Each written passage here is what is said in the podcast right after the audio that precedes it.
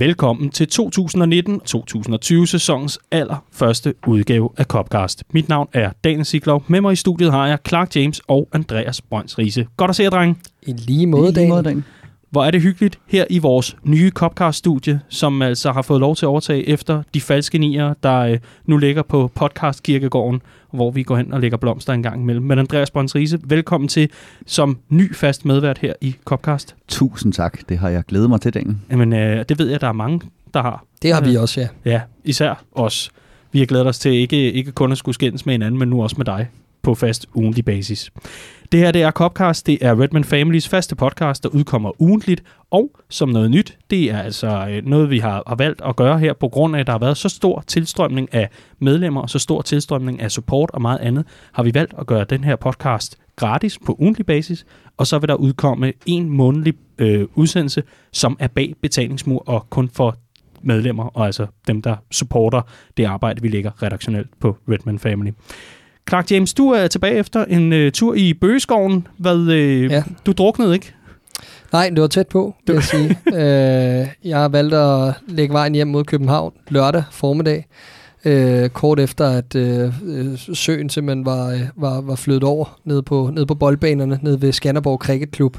Så øh, øh, ja, det blev lige et sidste rit i øh, gummistøvler med fuld oppakning og det hele, men, øh, men det var sgu det hele værd. Det var en god tur. Men lad mig høre, altså nu missede du jo både Deadline Day live, vores udsendelse, som vi sendte i torsdags, hvor vi havde Patrick Pilov med som øh, erstatning for dig, og så missede du også sæsonpremiere på din vante hjemmepop. Øh, hvad, hvad, hvad gjorde du i, øh, i, i forhold til både Deadline Day og, og så altså også sæsonpremiere? Jamen, jeg brugte faktisk nogle dage op til på at lave min research i, øh, i Skanderborg og omegn i forhold til at finde en pop eller en bar eller en beværtning af en eller anden art, der kunne tænde for et fjernsyn og vise kampen. Men øh, alt havde simpelthen lukket. Byen lukker jo, lukker jo ned, fordi fredag aften er jo lige med nogle af de helt store koncerter og en af højdepunkterne ved Smukfest. Så, øh, så det var jo nærmest umuligt at finde noget. Men øh, i, i sidste øjeblik øh, med, med tredjedags tømmermænd, tog jeg en tur sammen med en af mine gode kammerater op gennem Skanderborg by, og så fandt vi et lille pizzeria, der havde en meget lille skærm om bag os i lokalet. Øh, øh, hvad var det, det hed? Det hed Deluxe og Grill øh, Pizzeria, eller noget i den stil. øh, og, øh, og, Med, når det er grill og pizzeria, skal man ikke bestille stegen. Er, men de havde sat med kolde tuber på køl, og det her fjernsyn, det kunne altså vise C, den her nye kanal, som viste kampen, mm. og, øh, og det ville de gerne sætte på for os kl. 20.45, så vi endte med at sidde en 5-6 gutter derinde og, og sidde og nyde den her fantastiske premierekamp og få taget pausebilledet med det her dejlige personale og øh, få en glimrende, ganske udmærket 3 ud af 5 pizza øh, til undervejs, så det var fantastisk. og hvad gik du glip af af koncerter for at sidde der? Uha, jeg, jeg nåede faktisk tilbage til, til Nick og Jay uh. Senere på aftenen, så det var jo det var fantastisk. Øh, den Var det det? Nej, for jeg oplevede et kvarter af det, og så var jeg simpelthen for smadret, og så tog jeg hjem. Udmærket. Det var din øh, fredag med Ja. ja. Riese, dig så jeg heller ikke på vores vante pop, fordi øh, Jeg var, havde valgt at tage til, øh, til Haderslev, ned Mhm. i det sønderjyske, hvor vores, øh, vores øh, sønderjyske afdeling har fået et nyt stamsted, tribunen i, øh, i Haderslev. Øh, så der, øh, der så jeg smut ned og lige sagde tillykke med, med åbningen af, af nyt stamsted og, øh, og god sæson og prøvede skamløst at sælge dem nogle bøger. Så øh, ja, for du har jo udgivet en bog, det har jeg. og tillykke med det. Jo, det var tak. fredags. nu, nu hvor jeg hjælper dig, du hjælper med geografien, så hjælper jeg dig med at huske, at du faktisk lige udgivet Ja, lige bog. præcis. Jamen, det var jo fredag, at, øh, at der var officiel øh, udgivelsesdato for den her bog, som jeg har skrevet sammen med vores øh, dygtige skribent Esben Surballe Christensen. Øh, så den, øh, den skulle gerne, når det her udkommer, øh, være på vej til dem, der har forudbestilt den, og øh, være at finde i bogforretninger osv., øh, inden alt for længe, og, øh, og ellers så kan man stadig bestille den inde hos os. Hvad jeg har set, så er vi de billigste, billigere end bog og idé i hvert fald. Yes. Så ind på redmanfamily.dk-bog, hvis man godt vil have øh, min og Estens bog til Danmarks absolut bedste priser. goals at være bedre end uh, Bog og ID på den front. Det, øh, det, det må jeg sige. De her, øh, vi har et øh, transfervindue, så har vi en sæsonpremiere, og så har vi altså øh, to gange optakt til øh, de kampe, der kommer i, øh, i den her uge. Det er henholdsvis Supercup-finalen, ja, vi er allerede i finalen der, i Supercuppen mod Chelsea, og så altså øh, weekendens kamp mod Southampton. Lad mig høre, øh, har I fået banket den sidste sommerferie ros af jer? Ja, ja. Absolut. Ganske udmærket. Så lad os... Altså, øh, jeg, vil, jeg vil sige, da, da, da Liverpool scorede sæsonens første mål, mens jeg var på toilettet på tribunen i Haderslev, der var jeg klar. Der var jeg i gang til den Sådan. sæson. Ja.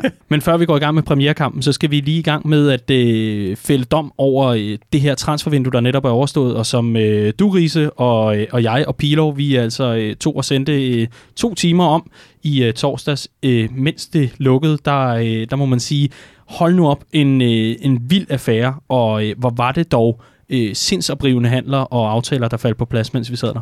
Klog af skade valgte vi kun at sætte to timer, for jeg kan tydeligt huske dengang, vi sendte syv. Og lige inden vi gik på, der tweetede James Pierce, der kommer ikke til at ske noget. Øh, der, jeg husker det, som om vi brugte noget, der minder om 40 minutter på at snakke Theo Walcott til Everton, så lidt var der at snakke om.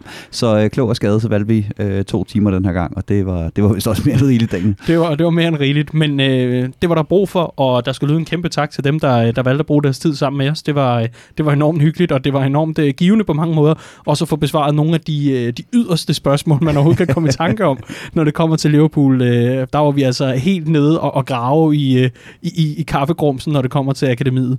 Men... Øh, et er, at man har kunne høre dine øh, kloge analyser om, omkring det her vindue. Noget andet er, Clark, øh, hvordan så du det her transfervindue? Fordi øh, når vi nu har, øh, når vi nu ligesom har fået det lukket, så er det jo ikke fordi, at Liverpool nødvendigvis har fået frygtelig mange øh, forstærkninger til en øh, førsteholdstrup, som Nej, den klub har nej. netop nu. Nej, det er det jo ikke, øh, og nærmest ikke rigtig nogen. Øh, kun lige en like for like i Adrian, der kommer ind for Simon Mignolet øh, på målmandsposten. Jeg vil først og fremmest tage hul på, på de spillere, der, er, der har forladt klubben. Jeg synes, det er, det er dejligt at se den liste af spillere, der er blevet skåret fra, fordi det er spillere, vi ikke forbinder med en fremtid i Liverpool. Overordnet set, der er enkelte spørgsmålstegn, som jeg vil komme ind på, men jeg vil sige, en, en mand som Danny Ings, at man får næsten 20 millioner pund for ham, er rigtig flot. Øh, Simon Mignolet, en mand, der fortjent at komme væk, der tydeligvis ville væk, og som er blevet fint erstattet. Nu må vi se, hvordan hans, øh, hans øh, afløser ligesom gør det her over det næste stykke tid, noget vi også kommer ind på senere i udsendelsen. Men umiddelbart øh, fint at få 8 millioner pund for ham. Og så kigger jeg ned ad listen. Rafa Camacho, øh, George Johnston, Alberto Moreno, Daniel Sturridge, spillere, der har forladt klubben på permanent, permanent basis. Øh, og så synes jeg, at vi har ramt nogle gode udlån øh, i øh, Harry Wilson. Øh, hvis ikke han skulle sælges, så synes jeg, det er et godt udlån at få ham afsted til Bournemouth. Et hold, hvor han kan få forhåbentlig en, en, en lige så vigtig rolle eller noget nær, som han havde i Derby, men det er lige et skridt op. Øh, Marco Grujic fortsætter i Hertha Berlin, kan spille sig ind på det her hold, muligvis få hans markedsværdi til at stige, og forhåbentligvis øh, øh få ham til at modne som fodboldspiller, så han faktisk har en, en fremtid på det her Liverpool-hold. Øh, og så øh, Shea Ojo, som jeg ikke tror er en fremtidsspiller i Liverpool, men som har fået en god platform til at udvikle sig i, i, i Rangers, som er et rimelig passende niveau for, at han kan få et flot slutprodukt, der forhåbentlig kan skyde ham af for en masse penge. Så umiddelbart på, på udgående transfer, synes jeg, vi har haft et fint vindue. Kigger man indgående, så savner jeg selvfølgelig et-to nye navne.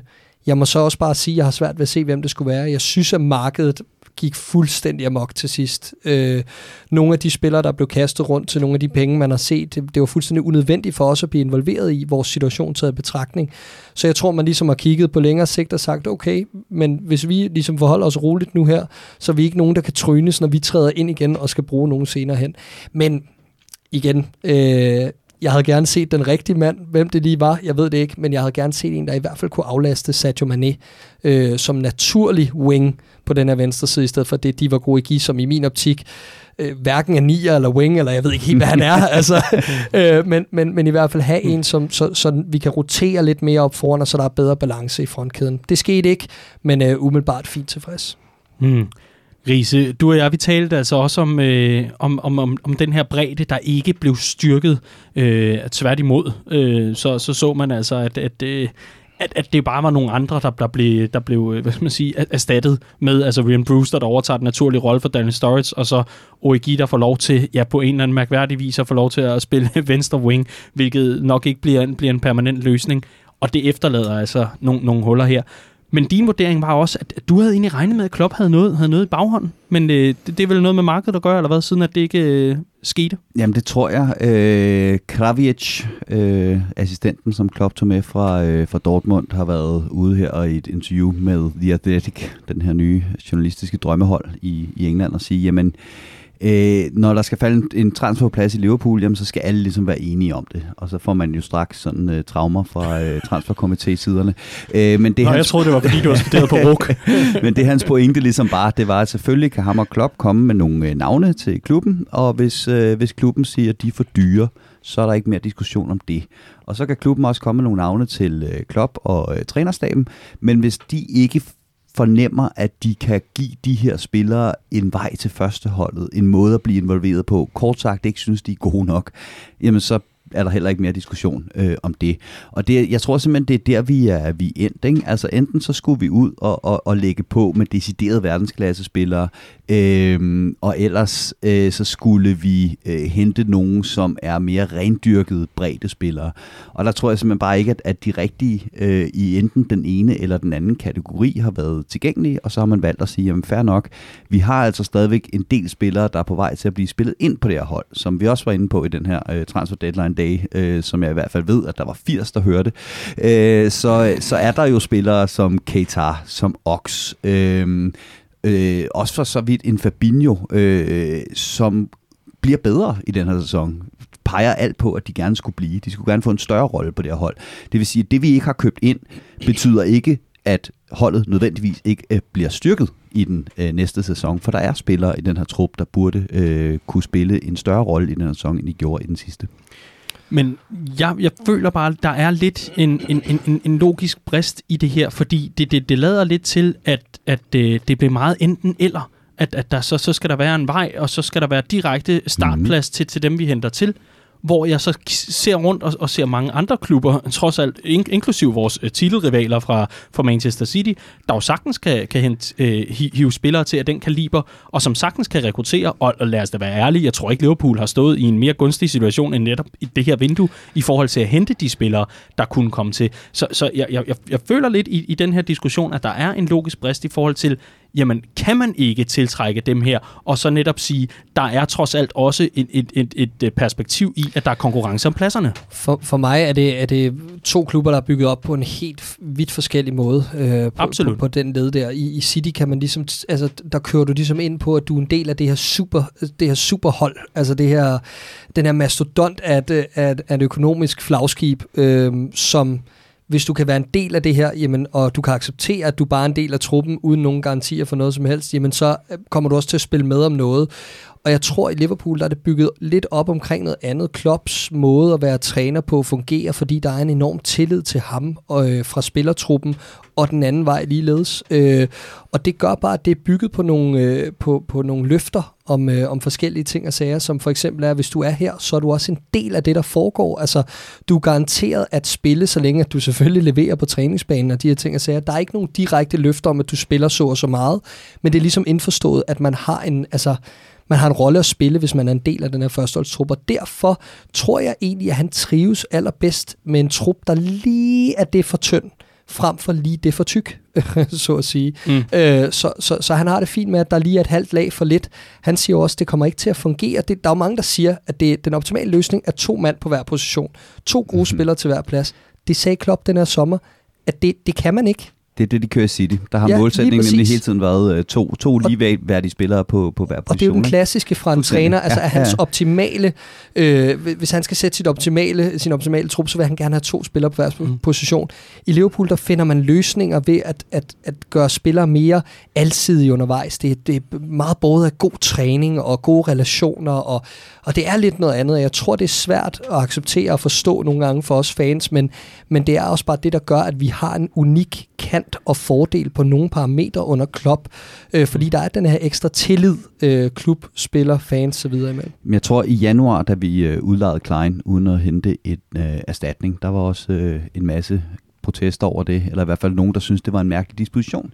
Øh, og der tror jeg, jeg, jeg skrev en, en, øh, en artikel ind hos os, øh, hvor jeg blandt andet snakkede med en, øh, en Dortmund-ekspert, der sagde, jamen det her, det er jo også Klopps eftermæle i Dortmund. Det er, der var ikke nogen, der kunne gøre det, som han kunne med det hold. Men på 16. 17. position i truppen, den er han ikke særlig god til at bruge. Altså han har nogle fuldstændig faste stamspillere, så har han nogle, nogle gode, alsidige trupspillere, der lige præcis kan løse mange opgaver men truppen kan godt blive for tynd, fordi han er afhængig af harmoni. Han er afhængig af, at, at man kan samle øh, alle omkring, øh, omkring sig, øh, mm. og ikke nogen føler, at de, øh, at de står ude på siden og ikke er en del af, af, af gruppen. Ikke? Så, så, så, så der tror jeg også, vi, vi kommer til at være som Liverpool-fan i et eller andet omfang. Det her med, at jamen, Klopp var den perfekte træner at få ind, er stadig den perfekte træner for Liverpool, men du kan ikke få begge dele. Du kan ikke både få det, Klopp kan gøre med en trup, og så samtidig forvente, at han skal, øh, han skal gøre det med, med en større trup, end han er komfortabel med at arbejde med. Nej, så det, det bliver nemlig sådan lidt øh, både blæser og mel i munden, for Præcis. vi vil rigtig gerne have det, Klopp kommer med, mm. men vi vil også gerne have, at han gør noget helt radikalt anderledes ja. på nogle ting, han Præcis. aldrig kommer til at ændre sig på. Og jeg synes også bare, at vi glemmer, at vores Champions League-triumf var båret af et helt perfekt eksempel på, at det her faktisk fungerer. Mm. Champions League-semifinal returen mod Barcelona, mm. hvor vi mangler vores to bedste spillere. Jeg er med på, at det sker måske en ud af 100 gange, men man kunne mærke energien. Man kunne mærke, at de her spillere, der kom ind i stedet for Salah og Firmino i Origi og Shaqiri, spiller en, en utrolig vigtig rolle og føler sig som en del af det her Præcis. hold. De kommer ikke ind og virker fremmed, og det er der altså en helt speciel grund til. Det er altså Klopp, der har sagt til Origi, du må gerne blive her, og ikke som en anden træner, der bare siger, du må gerne blive her, og så spiller han bare U23 men han har faktisk belønnet hans træningsindsats og hans øh, koncentration og hans dedikation til det her hold ved at kaste ham ind mm. mod Everton, hvor han så får de her marginaler med sig. Fuldstændig hans egen fortjeneste selvfølgelig, men han blev bare ved med at være en del på denne her marginalplads i truppen, og det, det synes jeg også bare er med til at gøre det her kollektiv bedre. Og, Ja. Undskyld. Nej, nej, du skal have lov til at rise. det, nej, det er bare dermed, hvis vi gerne vil konkurrere med City, vi kan godt prøve at konkurrere med City på penge. Så kan vi prøve på at konkurrere om, hvem der kan købe de 22 bedste spillere i verden. Den vinder City. Øh, så vi skal, vi skal konkurrere med City på nogle andre ting. Og der er lige præcis en af de her ting, som man ser det år efter år i Premier League. Det er top 4 hold, der slutter uden for top 4. De har en matchbold i forhold til at komme tilbage året efter, fordi de ikke har Champions League. Og dermed kan de begynde at spille på kontinuitet. På at det er de samme spillere, der spiller kamp efter kamp efter kamp. Og det gør bare noget andet øh, for et fodboldhold, der gør ofte noget godt. Øh, og, og det, det, det, det, jeg tror, at Klopp han kigger på, øh, på og siger, jamen hvis vi skal konkurrere mod City, så er det kontinuiteten, vi skal, vi skal, øh, vi skal slå dem på, på at vores øh, 11 starter, øh, når de kender hinanden så godt og spiller sammen hver gang. Og, og deri skal, tror jeg også, vi skal finde en af forklaringerne på, at vi spiller på en meget mindre energikrævende måde nu. Altså det med, at Klopp har skruet ned for presset, skruet ned for alle de her presmeter, skruet ned for de højintensive løb, det er altså også for at spare de her spillere, så de kan spille flere kampe i løbet af en sæson. Hmm. Er det en risky strategi? Det kan jeg eddermame love dig for, det er, fordi står vi lige pludselig i oktober, og der er skader til nøglespillerne, så er vi på røven. Og det, sådan er det, og alle strategier har fordele og ulemper. Hmm. Og så er vi selvfølgelig på røven. Uden tvivl. Helt sikkert. Mm. Hvis vores seks nøglespillere, at nu er det så allerede gået i vasken med alle, sådan kan man sige, den kan vi godt overleve. Ja. Men hvis de seks nøglespillere, vi ja. havde der sidste år, spillede stort set samtlige kampe, kan præstere det igen i den her sæson, jamen, så er der ikke nogen grund til, at det ikke skal blive lige så godt ja, som sidste Men man kan også græde boys øh, skader og ikke skader, og hvor meget og hvor lidt, mm. og hvordan og hvorledes. Ja, og så må jeg jo så også, fordi jeg, jeg kan godt mærke, at der, der er en enighed omkring det her, og, og jeg, jeg, kan sagtens, jeg kan sagtens forstå fil, altså filosofien og, øh, og, og hele taktikken omkring det her, den strategi, du er inde på fra, fra Jürgen Klopps side, Riese, og som du også er, er inde omkring, Clark. Men, men det, det, det, jeg også tror, jeg har brug for som en nuance i den her debat, det handler trods alt om, det er altså ikke en fanbase, der har krævet Mbappé fra PSG.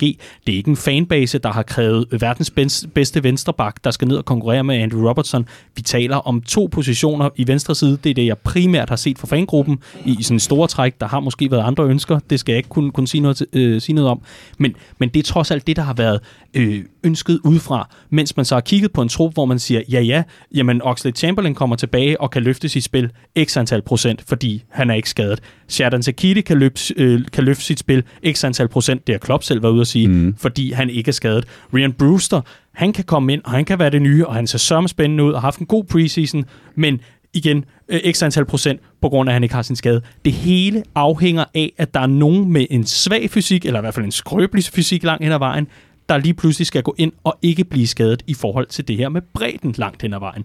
Så kan I ikke forstå, når man nu tager trods alt den nuance med i det her, at der stadigvæk kan sidde folk tilbage og tænke, hvor er det dog underligt, at man ligesom siger, vi går med den her strategi om, vi ikke skal have nogen skader, og så lægger man ligesom hele, hele skidemådet over på, at det kommer nok ikke til at ske med nogen, der ligesom notorisk er kendt for at gå i stykker. Selvfølgelig, men, men det, er, det er igen bare ikke så sort-hvidt som i, at det er øh, uheld, der afgør, om vi får skader eller ej. Altså, det er kalkuleret. Det er noget, vi har været inde på mange gange her i Copcast, at det er noget, Klopp for alvor har taget til sig, har bygget et helt team af specialister op omkring. Øh, han brændte den alderen i sin første fulde sæson, hvor truppen brændte fuldstændig ud, og vi fik skader til, til sidste sæson. Så begyndte han at justere lidt hen over jul i den næste sæson. Hov, det gik meget bedre. Så var det noget, man byggede op mod sæsonen efter, og nu er det altså noget, vi er specialister i, det her med at bruge spillerne på de rigtige tidspunkter. I år får vi så en ny udfordring. Der er flere turneringer. Folk gør det til, at vi skal spille 70 kampe. Rul nu. Vi skal altså ikke spille 70 kampe. Så mange kampe er det altså ikke ekstra. Vi har øh, et, et, et klub-VM, og så har vi to øh, turneringer, som er enkampsturneringer øh, yderligere. Så situationen er ikke så markant anderledes, og lad os nu se, hvordan vi prioriterer det her klub-VM. Og så vil jeg sige, at de to seniorspillere, der er gået ud øh, Alberto Moreno og Daniel Sturridge. Kigger vi på sidste sæson, så er det 1200 minutters fodbold, der mm. skal, der skal øh, erstattes. Det er altså lidt over 10 fodboldkampe i to spillere. Mm. Det er ikke mange minutter. Men netop, og øh, en meget, meget relevant pointe jo et eller andet sted med, hvem, hvem er gået ud, mm, hvem, hvem kommer mm, ind, og, mm. og hvad er der trods alle muligheder. Lad os, lad os da bare øh, banke under bordet to gange, eller tre gange, og så ligesom sige, lad os da håbe, at Brewster, Shaqiri og Oxley Chamberlain til sammen i det mindste kan nå 1200 minutters fodbold øh, langt hen ad vejen i det her. Men, men det, jeg rigtig gerne vil ind på, Riese, det er jo, jeg tror også, der er mange, der føler, at den forgangne sæson i Premier League, der var der et mesterskab, der blev tabt undervejs, fordi der gik lidt knas i det. Og her er det især i vintermånederne, vi, vi, skal, vi skal kigge nærmere på, hvor der var to uafgjorte kampe i træk, og jeg ved, at du er inde et modstander, arv modstander af at kigge tilbage og sige, det var fordi, vi fik uafgjort mod dem og dem, at vi ikke vandt mesterskabet.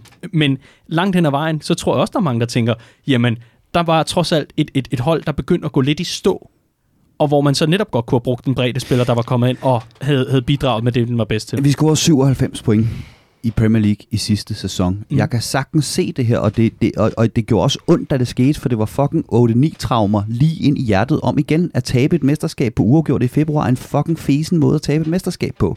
Men det er bare ikke det, jeg synes, der skete. Vi scorede 97 point i sidste sæson. Og så er det bare, jeg igen siger, det er ikke sikkert, du kan adskille de her to ting. Du er ikke sikkert, du kan adskille at vi kunne score så mange point og spille så godt i alle de kampe med at have den størrelse trup, som vi har.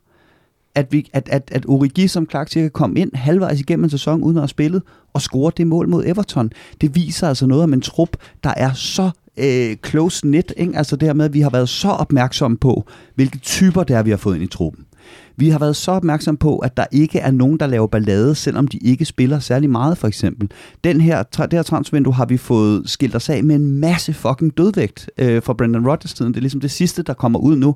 Og det har Klopp gjort gradvist, mens han har vredet alt det, han kunne få ud af Lallana og alle de andre øh, usual suspects fra den tid. Ikke? Øhm, og så er det igen, jeg siger, jamen, vi, det kan sagtens være, at når Klopp engang er færdig i Liverpool, at vi så står tilbage og siger, hans svaghed var det og det. Ja, ja, det er fint nok, men, men til gengæld, så de styrker, han havde gjort, vi vandt det 6. Champions League trofæ. Mm. Ikke? Altså, jeg kunne også godt tænke mig at kloppe en gang, øh, en gang imellem til et jakkesæt på. Det kommer næppe til at ske. Øh, og så må jeg jo ligesom leve med, at, øh, at det er en, en, en svaghed ved den manager, jeg nu engang har til at repræsentere min klub. Ikke? Ellers så må du ned i Yardex og sende noget til ham. Clark? Jamen, jeg sidder ikke og vil sige andet end, end det her med, at det, det er bare svært at have, have nogle indvendinger mod et hold, der får 97 point, fordi vi tabte ikke mesterskabet på noget tidspunkt. Øh, et City-hold, der vinder 18 af de sidste 19 kampe, var fortjente vinder af Premier League, og et Liverpool-hold, der øh, tabte en kamp hele sæsonen, en fjerdedel af, hvad Manchester City gjorde, havde også fortjent at vinde Premier League. Der er én vinder, og, øh, og så er det svært. Vi vinder de sidste ni kampe i træk. Vi smed det ikke på noget tidspunkt. Det var mm. bare to hold, der havde fortjent det, og der er kun én vinder. Men jeg tror heller ikke, jeg var inde på, om vi smed det. Jeg tror, jeg var inde på at netop, at der begyndte at komme lidt knas i maskineriet, hvor det kunne have været rart med noget bredde, der kunne gå ind og tage over, fordi at vi ja, var ved at være trætte ja, med en smal trup. Men, det, var, det var trods alt pointen. Jo, men jeg tror bare, at det havde kostet på nogle andre tidspunkter, hvis du havde haft folk siddende med kvalitet i kulissen, som havde følt, de skulle spille mere. Så kunne mm. det være, at det havde skabt knas i efteråret, mm. hvor du så havde haft noget disharmoni, der lige præcis ikke havde gjort, at vi havde scoret det overtidsmål, eller vi ikke havde fået det point i sidste minut mod Chelsea, eller vi ikke havde det ene og det andet og det tredje. Så Ja, jeg, jeg køber den ikke. Øh, jeg, jeg vælger fortsat at bevare fuld tillid til, til Klopp og, og jeg vælger trods alt også at kalde det en lille smule forkælet, hvis man mener, at man smider et mesterskab ved at spille uafgjort på udebane. Altså, vi taber en kamp hele sæsonen. Øh, ja, det er ærgerligt, at de kommer lige i streg, de der uafgjorte kampe. Jeg hentede opmærksomheden til, at City tabte til Newcastle og Crystal Palace og, og, og, og flere andre øh, kampe. Blandt andet især, når de havde én spiller, nemlig Fernandinho skade. Ikke? Der kan du også snakke om manglet bredde mm. i, i truppen. Ikke? Ikke? Så, så jo, dem der sidder derude, det er jo ikke fordi, jeg, jeg er ikke sådan en type, der siger, at nu skal I have ja-hatten på, og I må ikke kritisere Klopp og så videre. Overhovedet ikke. Men tag bare lige med i, i beregningen, at, at hvad han trods alt har formået på at gøre det på sin måde, den har så også svagheder, den mm. måde. Helt sikkert, men det er en del af, af den måde, Klopp han har træner på det er fint. Jeg vil rigtig gerne have kasketten på, hvor der står en lille skepsis, men stadigvæk en kasket, hvor der så står kæmpe klop over. Det, ja, men om, om, som sagt, bare lige bottom line. Øh, jeg er heller ikke fuld ud af motorvejen. Øh, fuld tillid på det her transfervindue. Jeg synes ikke, det var fantastisk, som sagt, at vi ikke tilføjede en, en enkelt eller to spillere til det her. Men jeg kan godt se, hvorfor vi ikke har gjort det. Markedet var simpelthen stukket af, og jeg kunne ikke se løsningerne. Ja, Riese, du skal have lov til at lukke. Så vil jeg lige vende tilbage til det allerførste, jeg sagde, netop det her type med Kravic, øh, der var ude, og han siger, og læg nu mærke til det, når vi kommer og sagde, at vi vil have en spiller, og den finansielle afdeling sagde, at det kommer ikke til at ske, så var der ikke mere diskussion om det. Jeg er altså ikke 100% overbevist om, at, at Klopp sådan set ikke gerne ville have tilføjet noget til, øh, til den her trup, men, men som Clark siger, altså hvis, hvis Nathan Arke lige pludselig koster 75 millioner pund, ikke? Øh, det er sådan en spiller, jeg, jeg, som jeg, jeg jo bød på øh, i Copcast, at vi kunne godt måske kunne kigge på som en venstreback, der også kunne spille andet, så man skaber den her mm. bredde med, med altid spillere. Hvis en så ligegyldig spiller som Nathan Arke koster 75 millioner pund, så kan jeg godt se, hvorfor at man måske har, øh, har tænkt, det ikke lige var vinduet, hvor man skulle ud og, øh, og, og kaste om sig med penge glimrende, fordi øh, så tænker jeg, at vi, øh, vi laver sådan en, øh, en, en, øh, en, en musketeret her, eller i hvert fald en aftale, om at øh, det var det vindue, og så må vi tage den i januar, og så må vi gøre status. Helt sikkert, tak. Og så, så indtil da, så øh, er argumentationen, ah, men hvis vi dog havde hentet noget i sommer, havde det ikke været den her situation, at den ligesom udbliver fra studiet, så må vi tage den i kommentarspor og i analyser og alle mulige andre steder. Er det det, vi aftaler? Lad os sige det. Super, så lad os kaste os over premieren mod Norwich.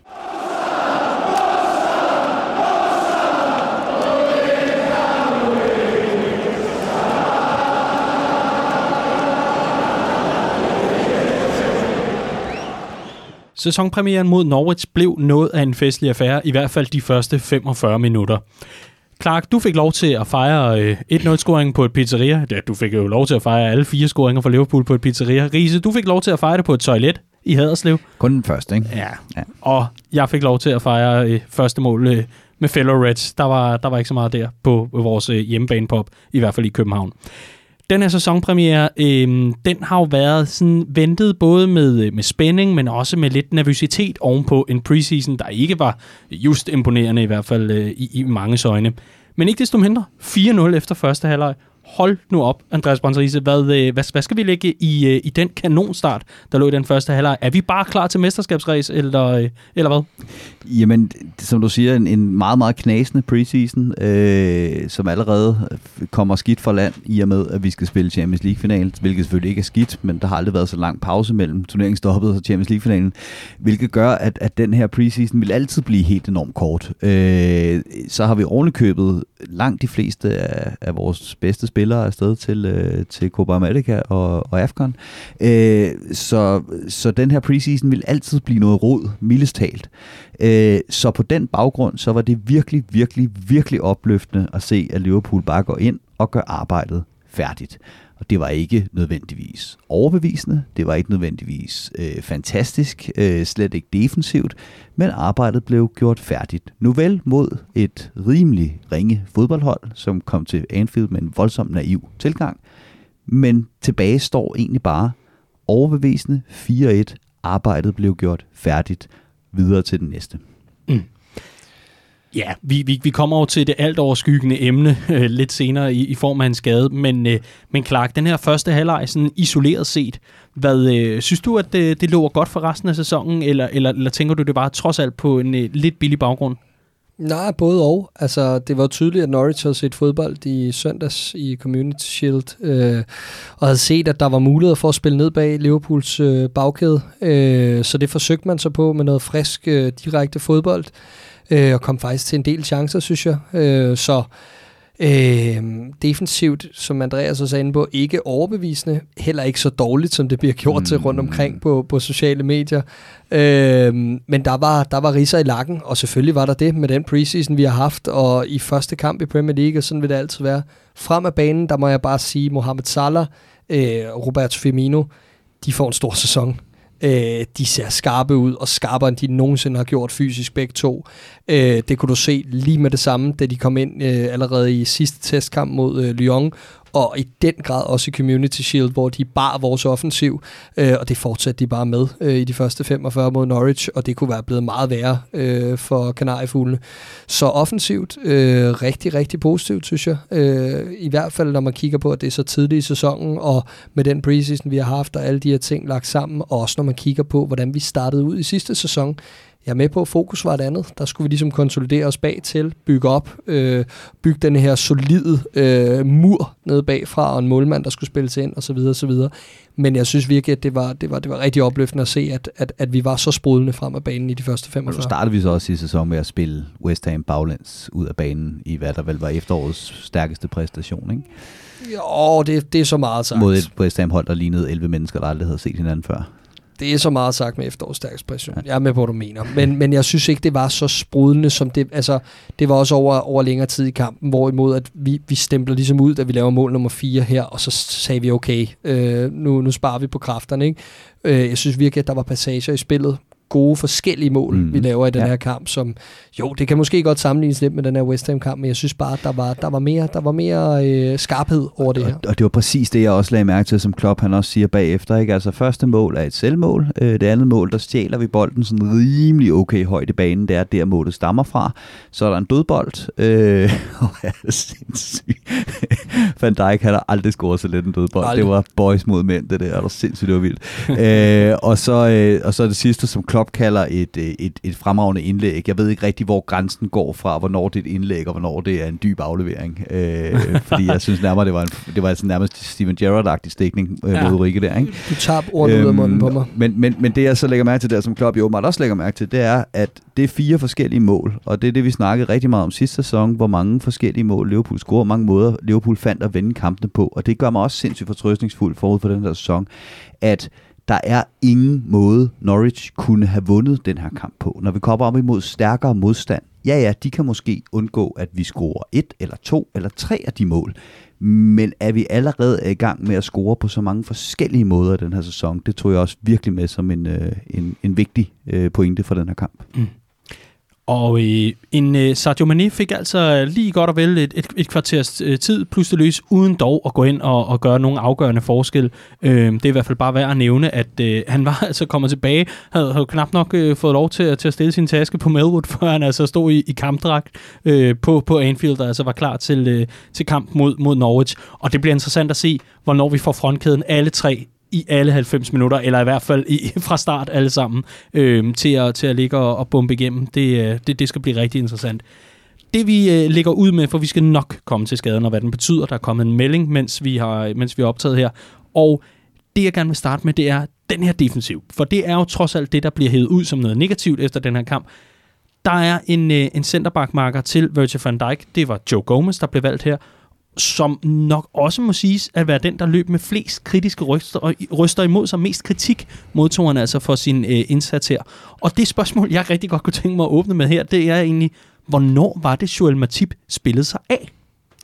Det gjorde han heller ikke på noget tidspunkt, og jeg synes også, dispositionen er mærkelig. Jeg kan godt forstå, at Jürgen Klopp øh, vælger at gå med Joe Gomez, da han er den af de andre centerbacks ud over Virgil van Dijk, der har det højeste loft i sit potentiale. Mm. Det er der ingen tvivl om, når han er varm, og når han spiller bedst, så er han den bedst tænkelige partner til Virgil van Dijk. Så har han også potentiale til verdensklasse eller deromkring på positionen. Han besidder mange af de rigtige ting til vores system. Han er hurtig, han er forudseende, han er god på bolden, han er god til nogle andre boldspillende ting, end Virgil van Dijk er. Van Dijk er god til at skifte spillet, lange bolde, diagonalt, øh, har et godt overblik generelt og en god autoritet. Gomes er god til de her flade bolde op gennem mm. banen, som vi egentlig også ser Matip være rigtig god til. Problemet for mig er timing i det her, fordi man prøver med Gomes i søndags i Community Shield mod Manchester City. Det går mildest talt af helvede til. Uh, han spiller en rigtig dårlig første halvleg, uh, taber bolden flere gange, står alt for højt. Ham og Trent Alexander-Arnold havde en rigtig, en rigtig skidt uh, uh, første halvleg mod, mod selvfølgelig en god modstander. Uh, kommer så ud på bakken, da Matip kommer ind, øh, og, og så går det ellers bedre. Men Matip spiller bare helt fantastisk, da han kommer på banen. Han scorer også et vigtigt mål for os i kampen og bringer os i strafsparkskonkurrence osv. Så han går faktisk ind og griber chancen igen, Matip. Øh, og, og derfor synes jeg, at det er ubarmhjertigt, at han ikke spiller indtil, at han enten går i stykker næste gang, eller at der er et, et reelt formdyk, fordi øh, det synes jeg ellers plejer at være Klopps øh, øh, idé med det her. Det plejer at være, at du spiller indtil du har spillet dig af, øh, eller at, øh, at du ligesom bryder rytmen, altså går i stykker, skadesmæssigt, rammer en karantæne eller whatever. Så jo, jeg synes det er underligt, at det ikke var Matip, der spillede frem for Joe Gomez, og men jeg godt kan se, at potentielt er det vores stærkeste bagkæde, Van Dijk og Gomez. Det synes jeg overhovedet ikke. Og nu skal jeg fortælle dig, hvorfor. Jeg lytter. Øh, den her manglende bredde, vi snakker om på baks, der er ingen tvivl om i mit hoved om, at det bliver Gomez, der skal stå for den. Når vi mangler en højre bak, som afløser for øh, Trent Alexander-Arnold, så bliver det Gomez, der ryger derud. Når vi mangler en venstre bak, som afløser for Robbo, så bliver det Gomez, der ryger derud. Derfor skal vi have ham spillet i gang. Ganske simpelt. Og derfor så tror jeg sådan set, at det er det, det, der har været, øh, været ideen for Klopp. Jeg kan sagtens se det med Community Shield, og er det en finale eller en træningskamp, whatever. Øh, men det her, det tror jeg er en, er, er en kamp, hvor Klopp tænker, her der kan vi få givet Gomez nogle minutter og få ham i gang, så han er klar, når vi virkelig skal bruge ham. Og det bliver ikke nødvendigvis i midterforsvaret, vi skal bruge ham. Det kan lige så godt blive på en øh, bak mod de, øh, de stærkere modstandere. Så jeg tror, vi kommer til at se den her sæson, at Van Dijk spiller hver eneste gang. Robbo spiller så ofte han overhovedet kan. Trent bliver roteret en lille smule mere end Robbo, og når de to backs bliver roteret, så bliver det Gomez, der ryger derud, så ryger Matip ind i midterforsvaret, så han skal nok få masser af kampe, og derfor har han ikke spillet sig af heller nej. Okay. God, god pointe. Jeg havde bare gerne set, på trods af Trent Alexander-Arnolds øh, Gerrard-esk aflevering øh, til 4-0, så havde jeg gerne set, at det var Gomes, der var blevet brugt på bakken, og man ligesom havde spillet Matip varm. Men ja. Mm. Ligger der måske et eller andet i det her, hvor Klopp han siger, vi skal også lige økonomisere med kræfterne lidt. Det er trods alt early days. Vi skal lige have banket den sidste årsdag. Ja, vi har haft en preseason, hvor der har været mulighed for det, men vi har altså trods alt lige et kampprogram, der hedder øh, Manchester City. Så er der altså fredagskamp mod Norwich, Supercup mod Chelsea og så Southampton. Vi går altså hurtigt i gang med at have øh, kampe mm. over, over kort tid, og det er så trods alt er lidt sjovere at have en Matip, lad os sige, i form, eller i hvert fald i, i, i glimrende tilstand, kan gå ind onsdag direkte sammen med Van Dijk, og ligesom sørge for, at man, man kan køre den hjem på noget mere rutine, eller i hvert fald køre den hjem på, på, på god form. Kan, kan det have noget at gøre med det her, og det ikke nødvendigvis skal være et tegn på, at Matip han altså er bag i, i, i fodkæden, var jeg lige ved at sige. Jeg tror, Matip spiller onsdag. Jeg ja. tror, Matip spiller onsdag. Okay. Jamen, jeg, jeg, jeg ved det faktisk ikke. Nej, nej, altså, det, jeg, jeg, der er ingen, jeg synes, Nej, det, det er det, men jeg, jeg synes, det er lidt svært at, at, at forudsige, også fordi jeg, jeg kunne ikke forestille mig, eller jeg, kunne sagtens, jeg kan sagtens se logikken i det, du øh, påpeger før, Andreas, med, med Gomes rolle, og det giver jo mening, når du fremlægger det sådan. Jeg har bare aldrig set Jürgen Klopp bruge Joe Gomes på venstre bak. Han har aldrig haft brug for det. Nej, men han tyrer mere til James Milner, og, og jeg kan ikke se, hvorfor Milner ikke skulle være... Altså, der er også et puslespil, der skal gå op for, at Milner får nok minutter. Mm. Øh, og, og jeg må sige, at, at jeg ser det være mere sandsynligt, at det er ham, der bliver brugt Jamen, på venstre bak. I selvfølgelig kvæg, hvad for en kamp det er, alt det her. Men, men ja, så jeg er i tvivl. Jeg er i tvivl om, hvad det er for et hold, vi kommer til at se. Øh, og umiddelbart forestiller jeg mig ikke, at, øh, at, at Joel Matip går ind i midterforsvaret onsdag aften. det gør du ikke? Nej. Okay. Lad os, øh, lad os se. Vi kan jo altså komme til startopstillingen, øh, når, når vi laver optakten til, øh, til den kamp, og så selvfølgelig også til Southampton-kampen. Må se, om det er et, en, en, en rytme, og så kan vi altid gøre, gøre boet op, hvad jeg lige vil sige, i hvert fald på, på næste mandag. Det, det, jeg rigtig gerne vil videre til, det er altså en skade, som kommer til at trække øh, trække spor øh, alligevel et godt stykke ind i vores sæsonstart. Og det var altså en skade godt og vel efter 40 minutters øh, tid, hvor øh, Alison Becker må lade sig udskifte, og vi allerede får brug for vores reservekeeper. Gud forbyde, at, at det overhovedet måtte ske, men det gjorde det altså. Og Adrian øh, fik altså dermed øh, debut på Anfield. Tillykke med den, og men at det var på en rigtig, rigtig ærgerlig baggrund. Det kunne jo nærmest ikke være anderledes, når det endelig kom til stykket. Men den her skade til Allison, Andreas Brøns Riese, Altså, vi, vi kan jo overordnet sige, det er godt nok øh, tavligt og unfair, at øh, en af verdens bedste målmænd, hvis ikke den bedste, det synes jeg jo, han er øh, lige pt., altså må, må, må lade sig udskifte. Men noget andet er, det kan vel komme til at betyde noget for Liverpools spil, også taktisk, det her. Helt klart, fordi øh, Allison er øh, en fremragende keeper i mange aspekter, men det er særligt hans igangsætninger, hvor han fuldstændig har revolutioneret den måde, som, øh, som Liverpool spiller fodbold på. Det her med, at vi kan spille os ud af snart sagt hvert øh, et pres, det skal, det skal være, og den her måde, hvor vi kan sætte tingene så hurtigt i gang nede øh, bagfra, så vi øh, kan fange øh, folk øh, i, i forkerte, øh, ja, ude af balance på forskellige måder. Så ja, øh, det, det, det kan blive, øh, det kan potentielt set øh, blive dyrt, ikke? Men, men øh, og her kommer jeg jo til at tænke på Adrian og øh, han, jeg tror, du var inde på, jeg tror, det var i torsdagens udgave, eller i hvert fald vores deadline øh, day live, hvor, hvor vi sendte Riese, der, der var du inde på, at Adrian selv omtalte sig som god med fødderne, men det, det havde du endnu til gode at, at se. Det, det må jo trods alt også betyde noget så. Jeg synes faktisk, han gjorde det godt i, øh, mm. imod Norwich. Øhm, når han endelig fik den øh, lagt tilbage i fødderne, der synes jeg, han var rolig på bolden, øh, og, og, og, og det kan godt være, at jeg faktisk bare har, øh, har, har, har set ham på uheldige tidspunkter i West Ham. Jeg skal indrømme, jeg har ikke set alle hans kampe for West Ham. Øh, det kan også godt være, at, øh, Hvor er at, du en at det var mod et, øh, det kan også godt være, at det var, det var mod et, øh, et, et Norwich-hold, og mod et tidspunkt i, på et tidspunkt i kampen, hvor der ikke var så meget pres på ham, og, og alle de her ting, hvor det var en nådig opgave at skulle, skulle ind og spille den ud øh, bagfra. Jamen, det kan, det kan sagtens være. Jeg skal også se mere til ham, men det jeg bemærkede, det var, at lige så snart han trådte på banen, så kunne jeg bare se, at han er et bedre fit for det her Liverpool-hold end Simon Mignolet. Og det lyder helt øh, sort-hvidt og øh, alt det her. Fordi det er jo selvfølgelig sagt med, med meget lidt viden om, hvad der kommer til at ske de næste par uger, når han får chancen på reel basis i flere kampe i streg og så videre. Men han har bare en presence af natur. Han går ind og har en attitude, jeg synes passer meget bedre ind på det her hold, og en, du langt bedre kan spejle Alison Becker i, end du kan med, med, med Simon Mignolet. Han har en stil, øh, hans pasningsspil er en ting, jeg vidste slet ikke, hvad jeg skulle forvente. Øh, jeg kan ikke huske at have set Adrian spille med fødderne. Jeg kan huske, Nej. at han har nogle glimrende reflekser på stregen og de her ting. Men det jeg så, når han fik bolden i fødderne, var egentlig, at han har en, en meget bedre øh, teknik med bolden end, end Simon Mignolet, som er vant til at sparke langt fra sin Yep. tid i Sunderland, der er en anden type keeper, så kunne jeg bedre lide den her måde at spille fodbold på, som jeg så fra Adrian, og det gør mig mere rolig, øh, Ja. end, end at have Simon Mignolet Jeg, to. altså, jeg har set Adrian begå fejl med fødderne, også på West Ham, men, men det jeg tror, han har på Simon Mignolet, jeg er ikke sikker på, at det nødvendigvis er teknisk, men han ligner en, der har en plan. Han ligner ikke en, der går i panik, bare mm. det, han får den i fødderne. Og det gjorde Simon Mignolet. Ganske simpelt. Altså mm. Mm. den der klassiker med, hvor han lader den løbe ud over baglinjen, han får sparket til den, for den ikke kan beslutte sig. Ikke? Altså, Adrian, han rent mentalt kan jeg bedre se ham som Liverpool-keeper, end jeg kunne se Simon Mm. Mignolet som, som Liverpool-keeper. Jeg, jeg- vil sige, at en af de, en af de ting, jeg var allermest træt af at se på ved Simon Mignolet, det var, når han skulle sparke langt. Det var som om, han konsekvent ramte bolden, så den fik sådan et underspind. Det er bundklubber, der sparker ud på den Det måde. var læne dig tilbage, lukke øjnene og spare kort. Fuldstændig. Altså, så jo, jeg vil sige teknisk, altså det, det, Mm. det, det er ikke sådan, man spiller fodbold som tophold. altså, det er simpelthen så simpelt som at lægge en Til aflevering gengæld på var Simon. Mignolet kommet hurtigere ned til den bold, som Pukki sparkede ind. Ikke? Det er muligt, men det er godt afsluttet. Der.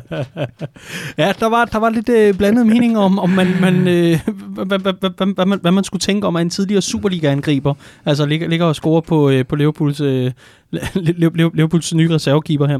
Men, men øh, det, der i hvert fald er, er interessant at tage med her, det er den udmelding, vi netop har fået øh, mellem de forskellige segmenter, og det er, at øh, Klopp vil ikke sætte øh, præcis dato på, hvornår Alisson øh, Becker returnerer, men at der kommer til at tage, øh, det kommer til at tage Mm. nogle uger i hvert fald, og det er altså ikke et par uger nødvendigvis. Vi, vi kan være oppe i omegnen af ja, 4, 6, måske sågar 8 uger, øh, hvis det endelig måtte være. Men der er altså stadigvæk, at det, det, det kommer til at være ind, ind i september, før vi får Alisson øh, at se igen. Ja, det gør det også, fordi han nævner faktisk det her interview, Klopp, Mm. med at han har hørt øh, øh, rygterne om det her seks uger, men det vil han ikke, altså han vil hverken sige fra eller til, fordi han vil gerne lige se spilleren an, som han siger, Allison har ikke været særlig meget skadet i sin karriere og så videre, så han håber på, på kortere tid, men åbner ligesom også døren for, at der er en mulighed for, at det godt kunne være længere. Og det er faktisk det, der gør mig en lille smule nervøs ved den her skade, som du siger. Det er ikke, fordi han har været særlig meget skadet i sin karriere, og det her det er sådan en, en soloskade, der ser meget, meget mærkelig ud.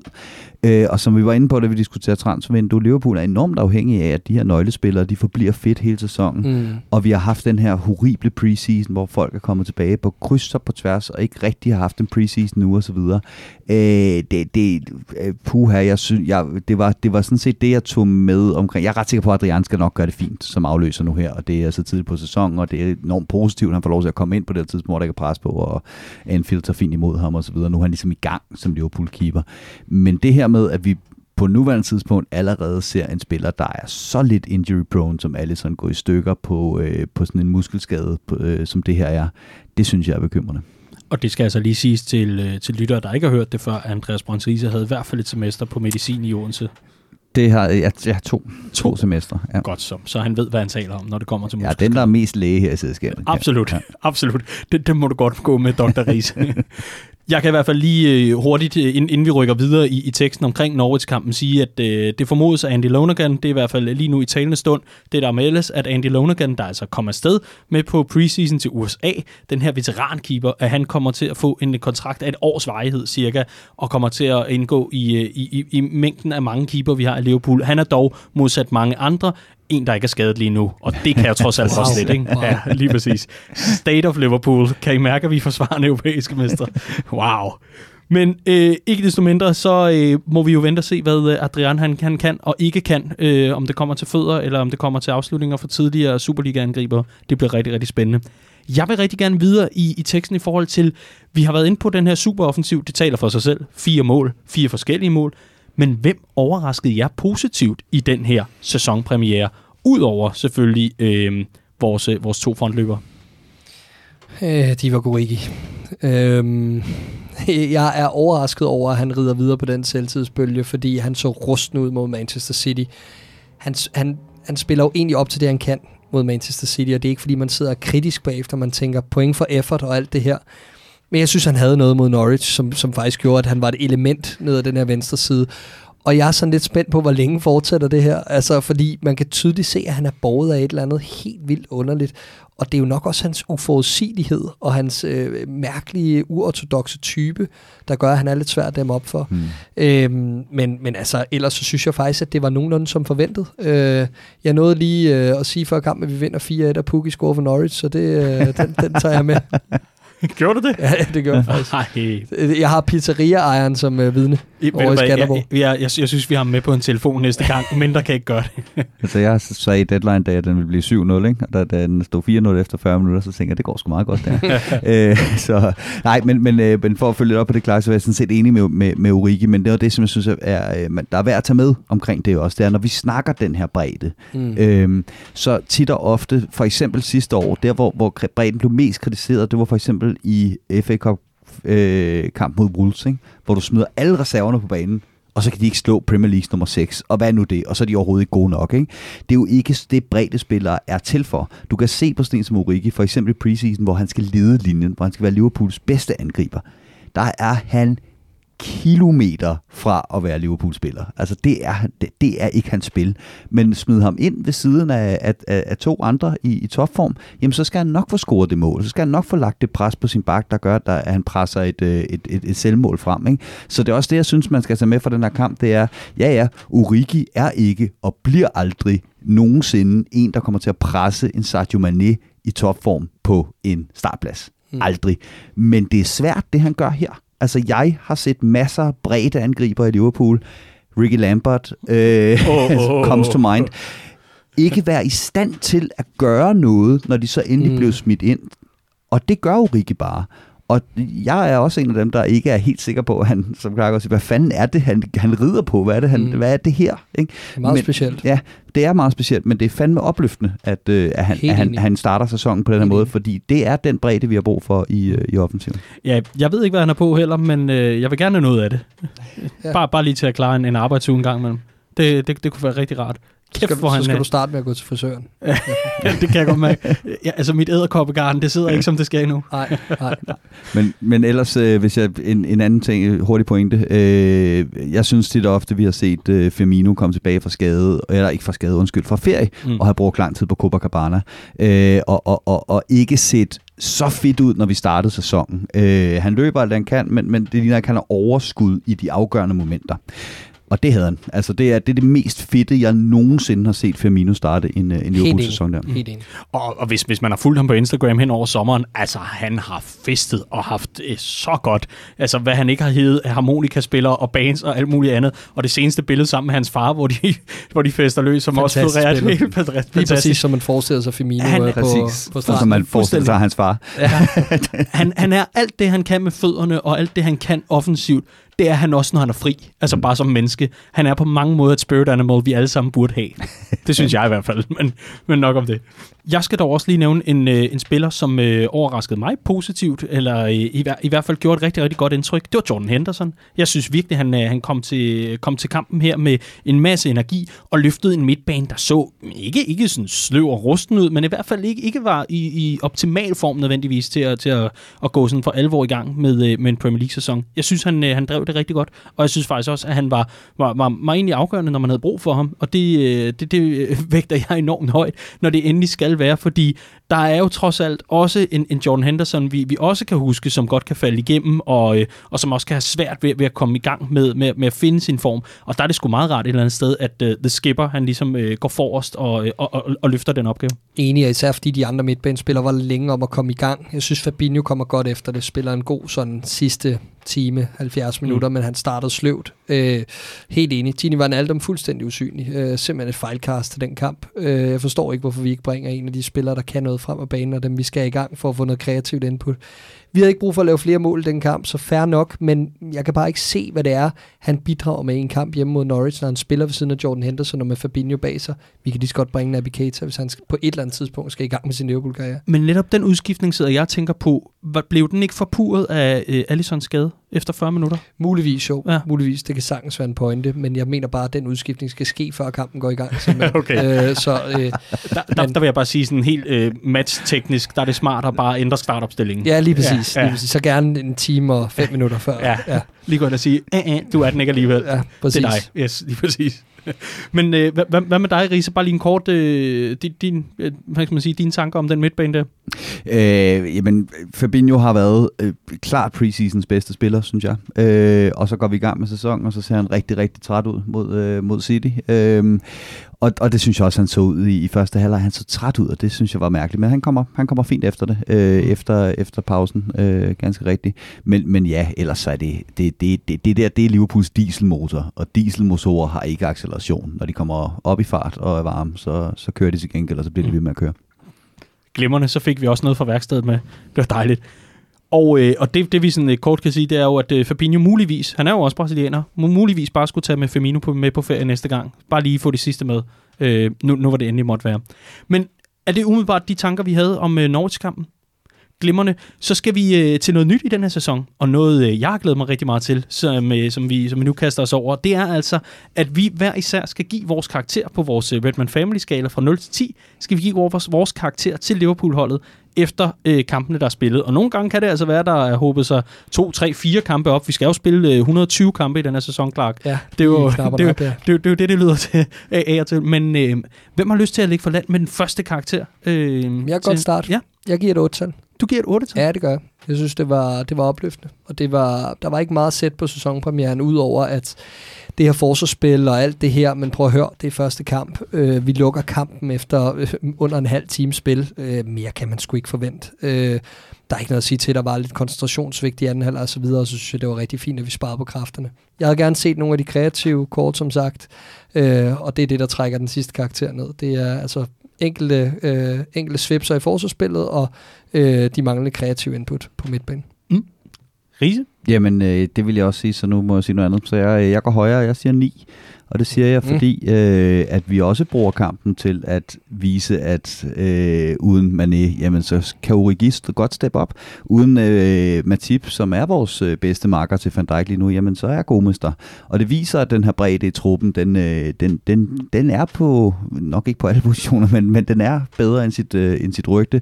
Og, øh, og, og, og vi får nogle af de spillere øh, løbet i gang, som vi får brug for øh, her, øh, her senere på sæsonen.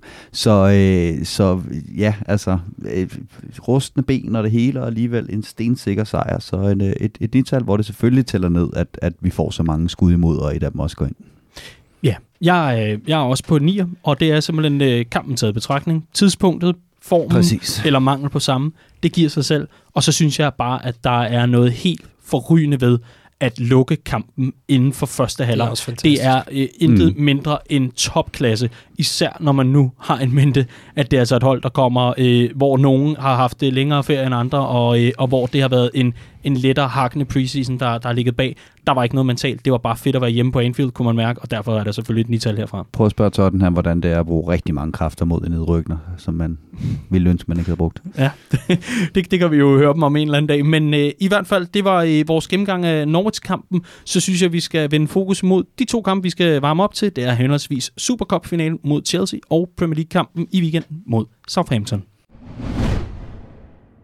Så skal vi til de første optagter i den her sæson. Det, øh, det bliver også rigtig godt, for vi skal varme op til to kampe. Det bliver henholdsvis Chelsea i Supercup-finalen og øh, Southampton i Premier League.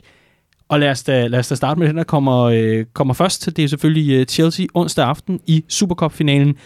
En, en lidt speciel størrelse. Det er, det er længe siden, at, øh, at vi har været med i, i, i den slags. Og Riese, lad mig lige høre. Hvor meget energi skal vi lægge i, i det her opgør? Er det vigtigt at vinde Supercuppen? I, I forhold til, øh, til Community Shield, øh, så synes jeg faktisk, at, at den europæiske Supercup er et reelt trofæ, som er værd at, øh, at spille med om, og, og, og er værd at øh, lægge nogle kræfter i at, øh, at vinde også. Det synes jeg. Hvad ligger der til grund for den holdning?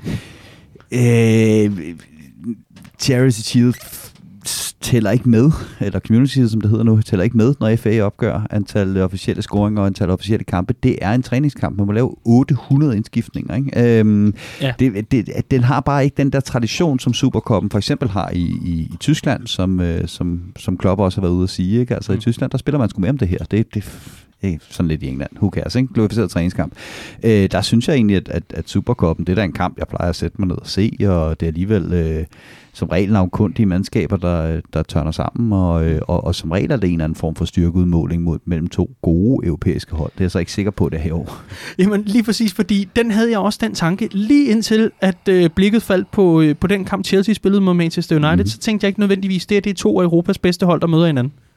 Nej, nej, altså før vi når så langt, vil jeg også bare sige, at for mig er det også en kulturting. Altså at, at Liverpool er bare kendt for europæiske kampe, og, mm. og for mig så har så er der nogle gode minder forbundet med det her som Liverpool-fan. De her Supercup-kampe øh, tilbage i, i, i 01 øh, mod Bayern München, øh, hvor man vinder i Monaco, og øh, er det CSKA Moskva, man slår i øh, fem, efter man har vundet Istanbul, det mener jeg nok. Øh, så, så der er nogle gode, øh, nogle gode minder med den her Supercup, og, og vi har vundet den tre gange, og altså jeg forventer også, at Liverpool går ud og vinder det her, det her trofæ, som jeg også rigtig gerne vil kalde det, lige indtil vi har tabt. Så Nå ja, jeg ikke så var det en træningskamp, Så er det en træningskamp. Mm.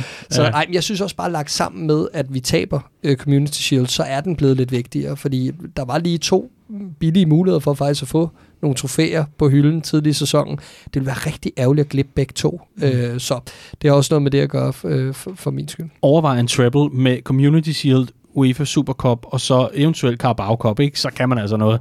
Det, det er lige til banner, i det mindste. Mourinho vil tælle alle tre med. Ja, det Mourinho vil gøre rigtig mange ting, og han er allerede rigtig, rigtig klog at høre på. Det skal vi nok vende tilbage til. en af de football Einsteins. ja.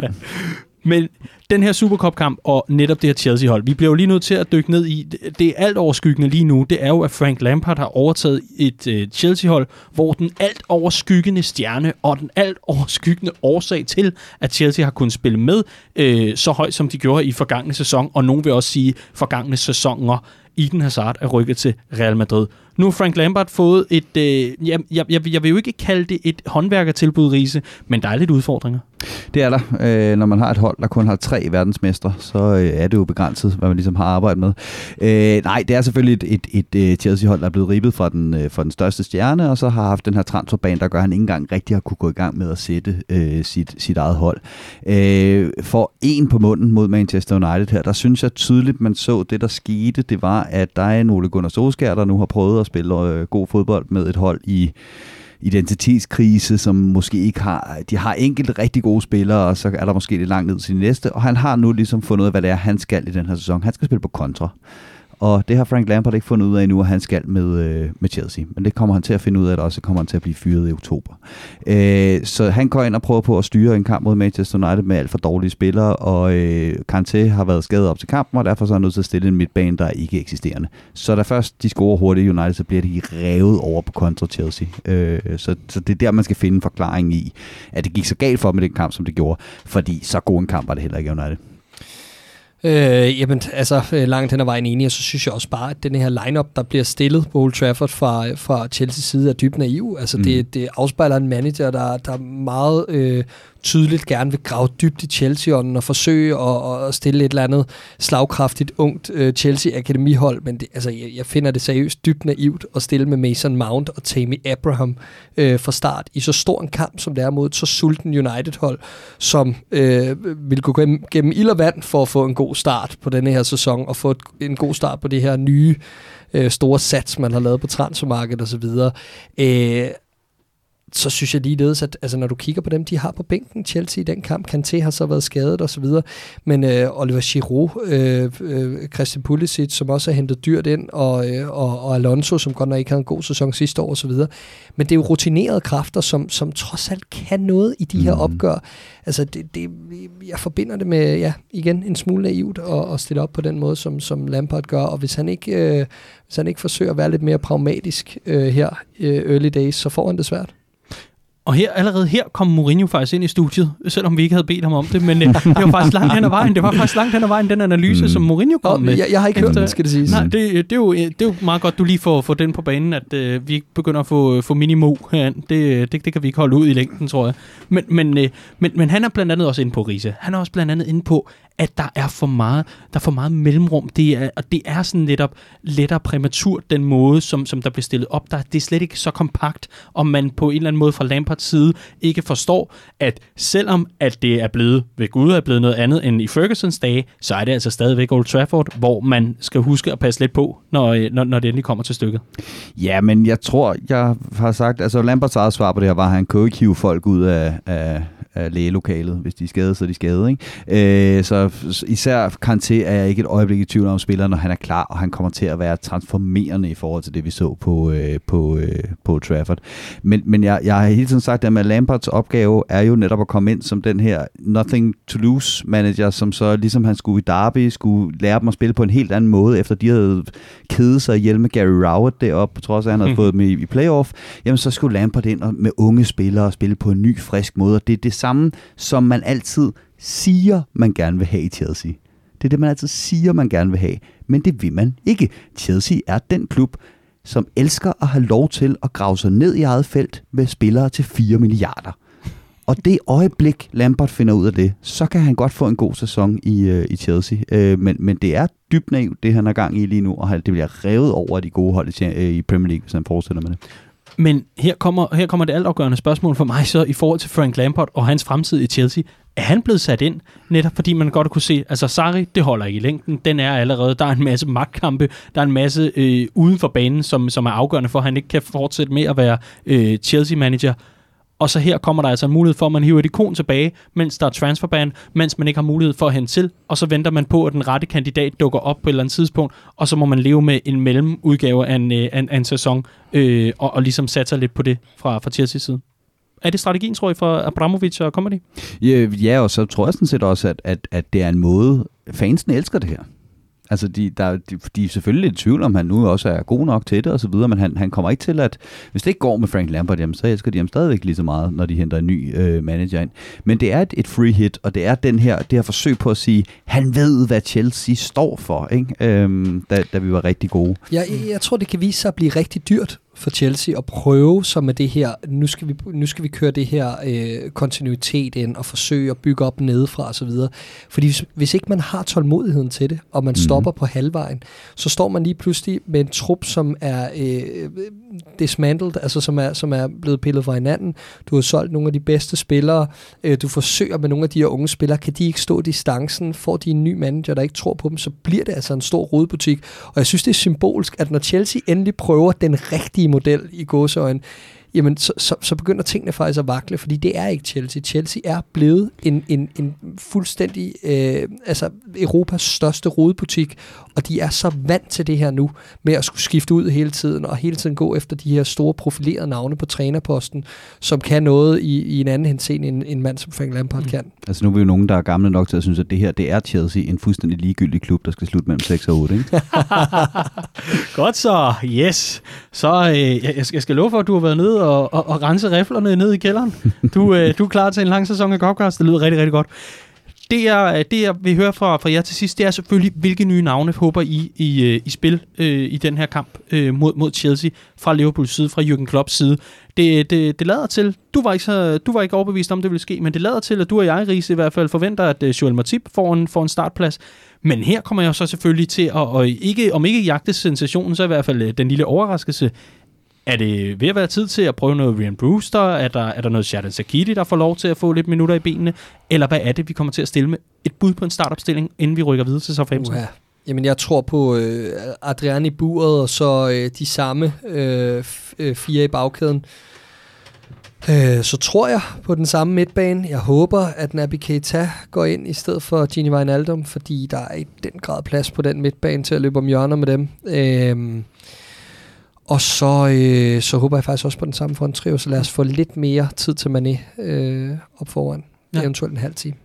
Så ny keeper, det kan vi jo ikke komme udenom. Det, det, bliver, det bliver nok Adrian foran uh, Andy Lonergan, hvis han når at blive klar til, til, til, i hvert fald til at sidde på bænken. Men i hvert fald øh, få udskiftninger herfra ja. hos dig, James. Hvad med hos dig, Riese? Jamen, jeg kan se så mange forskellige scenarier, så det her, det bliver altså et skud for hoften, fordi han kan gå rigtig mange veje med den her øh, klop, ikke? Men, men helt klart selvfølgelig Adrian. Øh, og så kunne jeg godt forestille mig, at man kører Gomes ud på højre bakken, øh, og så øh, Matip ind i, i midterforsvaret, og så lad, øh, lad Trent øh, stå den her over. Øh, jeg håber også, at vi får Keita ind på, på midtbanen, hvem det så bliver i stedet for. Det ved jeg ikke. Det kunne også sagtens være i stedet for en, for en Henderson, faktisk. Øh, men, men ja, øh, Keita ind for, i stedet for enten Gini eller Henderson. Øh, og så er det spørgsmålet med, øh, med, øh, med Mané, om ikke det er den her kamp, hvor man ligesom siger, jamen, jamen nu har han ligesom fået sin hvil, og nu skal han spille sin preseason kampe, og så er det trods alt en udmærket kamp at give ham nogle minutter i benene øh, i. Og, og ved nærmere eftertanke, så er det jo, det er jo en tidlig øh, tre kampe på en uge øh, øh, periode, Præcis. sæsonen det her, ikke? Øh, så det kunne jo sagtens blive sådan en kamp, hvor at han valgte at sige, Fabinho, okay, han har set træt ud her til at mm. starte, måske vi undgå nogle tidlige skader på den her position. James Milner ind, få nogle minutter, få startet sin sæson og, og, ah. og så videre. Ikke? Mm. Nu, øh, nu og så får jo... vi den her klassiske Europa-midtbane med Hendo, Milner og Gini. Altså, det vil lige en Jürgen Klopp, mm. så, så der er mange varianter. Men, øh, Undskyld, nu, nu har han gået og teaset hele sommeren for, at Lallana er den nye sekser. Uh, så når ja, der ja. endelig byder sig en chance, så bliver det ikke til noget, eller hvad? Der blev stille. Der blev stille. det er simpelthen så klassisk en preseason ting, det der. Altså, Jesus. Men øh, jeg vil i hvert fald hente opmærksomheden øh, på hos, øh, hos ja. lytterne til, at man kan gå ind på vores hjemmeside, redmanfamily.dk, og der kan man læse under analyser og blogs Alexander Pilgaard Kær, der skriver lidt om, hvorvidt det er galt eller genialt, om øh, at Adam Lallana kan spille sekserpositionen, og så kan man selv gøre det op. Jeg vil bare sige, tavsheden talte rigeligt her. Ja, undskyld, Alexander, det er faktisk en rigtig god analyse. Jeg synes faktisk, I skal læse den. det, det er en glimrende analyse, ja. og så kan man selv finde ud af, om man er enig i konklusionen. Jeg har brug for et øh, bud på slutresultat, inden vi rykker videre til Southampton. Jeg tror, Liverpool vinder 2-1. 2-1? Ja. Jeg tror, at øh, Liverpool vinder 1-0. Glemmerne.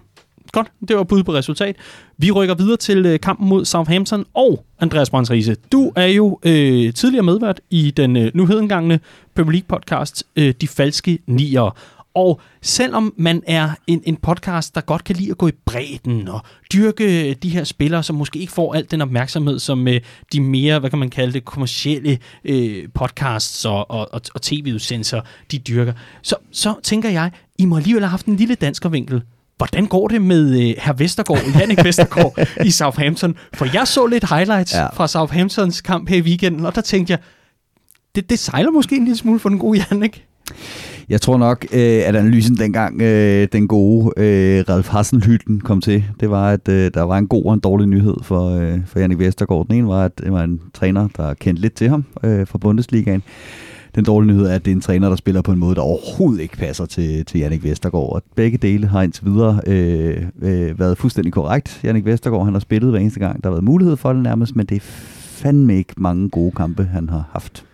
Altså, Clark, det er en uh, udebanekamp, Southampton ligger, ligger fra land med her i Premier League-sæsonen. Det er på udebane på Turf Moor. Vi ved alle sammen, med Turf Moor ikke nødvendigvis er noget let sted. Joe Gomez har dårlige minder derfra i forhold til at slå sig også. Så, så det, er, det er ikke nogen, nogen nem øh, sæsonstarter. Alligevel ender man altså med at inkassere noget af et nederlag. Og på de der målsituationer, hvor Jannik Vestergaard mm. er med, jeg, jeg ved simpelthen ikke, jeg, jeg har ikke set noget lignende længe. Nej, altså det, det havde stået ned i stænger op til kampen. Jeg ved ikke, om det havde noget at sige, men prøv at høre. han skøjtede rundt, og, Mm. mm. og, og det så rigtig skidt ud. Jeg så hele kampen faktisk, øh, og, og, og det var ikke godt. Og det vilde er, at de taber 3-0 i en så jævnbyrdig kamp, som det egentlig Mm. var. Altså, det, der, der var chancer i begge ender, og lige pludselig så kom fejlene bare i den her Southampton-defensiv.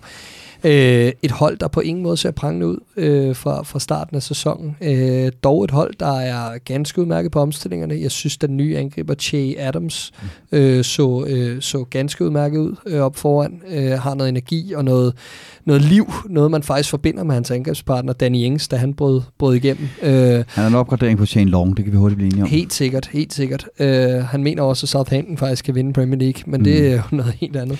Øh, men nej, en, en modstander, som jeg ikke umiddelbart på det her tidspunkt i sæsonen ser, at vi skulle få de store problemer med. Nej, altså, øh, jeg skal nok komme til Liverpool lige om lidt, men jeg kan faktisk godt lide Southampton. Jeg kan godt lide, at de altid prøver på at være noget andet end det her fuldstændig ligegyldige midterhold, der bare kigger mod de 40 point. Øh, og, og som dem er der ved Gud kommet mange af i, i, i Premier League. Så dermed, at de fundet tilbage øh, til rødderne, skulle jeg til at sige, med en, en spændende tysk træner, der faktisk vil noget andet. Det skal de have al ære og respekt for. Problemet er bare, når der først går hul på bylden i Southampton i den ene eller den anden ende, så vælter det ind. Og det er fordi, at han vil have dem frem og spille noget spændende fodbold med lidt højere baglinje, lidt flere øh, løbe- og mand-mand-dueller. Det er bare ikke Jannik Vestergaards spil. Han er en tænkende stor forsvarsspiller, den højeste i Premier League. Ikke? Øhm, så, så, så Southampton er et, et hold, som, som, som jeg tror, hvis han får tid, Ralf Hasenhüttel, kan blive et rigtig spændende fodboldhold. Lige nu er han ikke i nærheden af at have spillermaterialet til at præstere kontinuerligt. Så Southampton er et hold, der kommer til at tabe kampe kæmpestort, og mange af dem i streg, og kommer til at vinde kampe kæmpestort, og mange af dem i streg i den her sæson.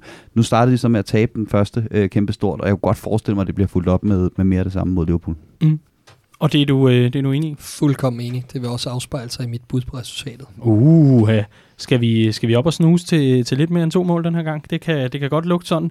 I hvert fald, øh, så, øh, så tænker jeg lidt, øh, der er jo den her Chelsea-kamp, og nu er det altså, vi har været inde på det, tre kampe på, øh, på cirkus en uge. Øh, I hvert fald, øh, det, det, det, det er inden for, den, øh, inden for den rette, vi i hvert fald ser kampene ligge. Hvor mange genganger kommer der til at være over hele linjen? Fordi er det her, at man mod Southampton kan sige, jamen organisationen, den er, den er so and so, og, øh, og det, det, øh, det, det, det, det sejler jeg til for, øh, for selv, selv den gode Jannik Vestergaard, hvis ikke ofte.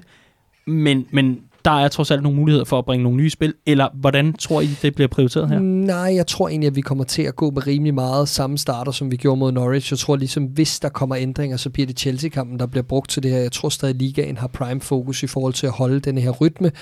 Øh, men jeg forventer, at Sadio Mane starter sin første kamp øh, øh, mod Southampton. Det synes jeg giver mening. Øh, og øh, så må vi se, hvordan og hvorledes det, der ligesom bliver rykket rundt. Det afhænger også meget af, hvad der sker onsdag aften selvfølgelig. Øh, men øh, som udgangspunkt, så forventer jeg meget den samme starter som mod Norwich, og så bare med, med Mane inden for Rigi. Mm. Og øh, du, Riese?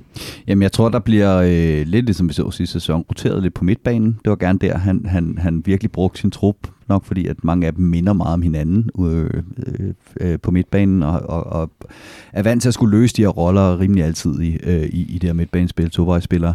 Øh, og så tror jeg, vi kommer til at se den her øh, Gomez, Matip, øh, Trent Alexander-Arnold rotation. Øh, og, og det er de to steder, der bliver roteret, ellers tror jeg, han går med, med, med samme hele vejen igennem.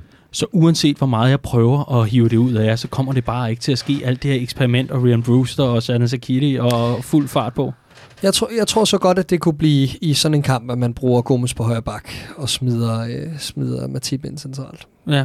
Det tror okay. Jeg godt, fordi der er, en, der er en anden trussel over kant, end der er for Chelsea. Lad, lad, lad mig sige det sådan, det var ikke de frække tanker, jeg havde, men øh, det, det er fedt nok at vide, at, at der er, trods, trods alt er, er, er lidt spænding nede i den bagkæde. Jamen, jeg tror ikke, James Milner står på mål. For Nej, nej, okay. Nej. Jeg tænker bare, en Ryan Brewster måske for Premier League debut, det er jo sådan noget, sådan yeah. nogen, som jeg godt Ja, kan men, lide. men det får han muligvis, men så bliver det som indskifter. Altså, jeg tror ikke, vi Ja, ja, ja. kommer til at se Ryan Brewster fra start før øh, Carabao Cup øh, Ja, han skal lige runde. nå bænken først. Ja, også præcis. Ja, det, det, det har måske også noget at sige. Men i hvert fald, så er der, der er gode bud på, hvordan øh, det kommer til at blive stillet op. Et bud på resultat, fordi øh, der har du allerede teaset, Clark, for at, øh, at det kommer til at afspejle sig, og kan vide, hvad det betyder. Jamen, jeg tror, vi får lidt svært ved at holde målet rent her i starten af sæsonen af flere årsager, og, og den seneste er jo selvfølgelig Allisons fravær. Øh, jeg tror, vi vinder 5-1 på St. Mary's. Godt så. Øh, jeg går med 3-0. 5-1 og 3-0. Adrian med sit første clean sheet. Mm. Han kom hjem, Også og- med hans første mål, siger jeg så. fordi han har styr på, hvordan han skal styre sin udspark hele vejen, eller hvad? I eget net. Ja, Nej, øh, Det var Lonergan har engang scoret mod Leicester. ja. Uha, hvor, hvor langt er vi tilbage her? Øh, 2005 eller sådan noget. Ja, fordi der var et Leicester før, og et Leicester Præcis. efter. Ikke? der var han lige fyldt 30. ja, præcis. Det var League One eller sådan noget. Glimrende. Det var optakterne til henholdsvis Supercup-finalen og til øh, Premier League-kampen mod Southampton, og øh, det skal siges herfra, at øh, gå ind på øh, vores øh, Facebook, uh, undskyld, vores Facebook-side selvfølgelig, det skal du altid. Gå ind på vores hjemmeside, det er den her, øh, den jeg gerne vil tale om nu, og så gå ind under afdelinger og under events, så kan du se, hvilke afdelinger, der viser kampene. Du kan finde øh, de lokale afdelings, face, øh, afdelingers Facebook-grupper, og så kan du melde dig ind der, og så vil du se, øh, hvor der er mulighed for at, se- kampen med fellow Reds, og altså øh, blive en del af noget, noget lidt sjovere, som altså er at se kampene i, i fællesskab med andre, der holder med sammenhold, og ikke nødvendigvis bærer om at lade være med at kaste med fjernbetjeningen inde i stuen. Det har også lidt perspektiv. Nu skal vi til lidt interne nyheder fra Redman Family.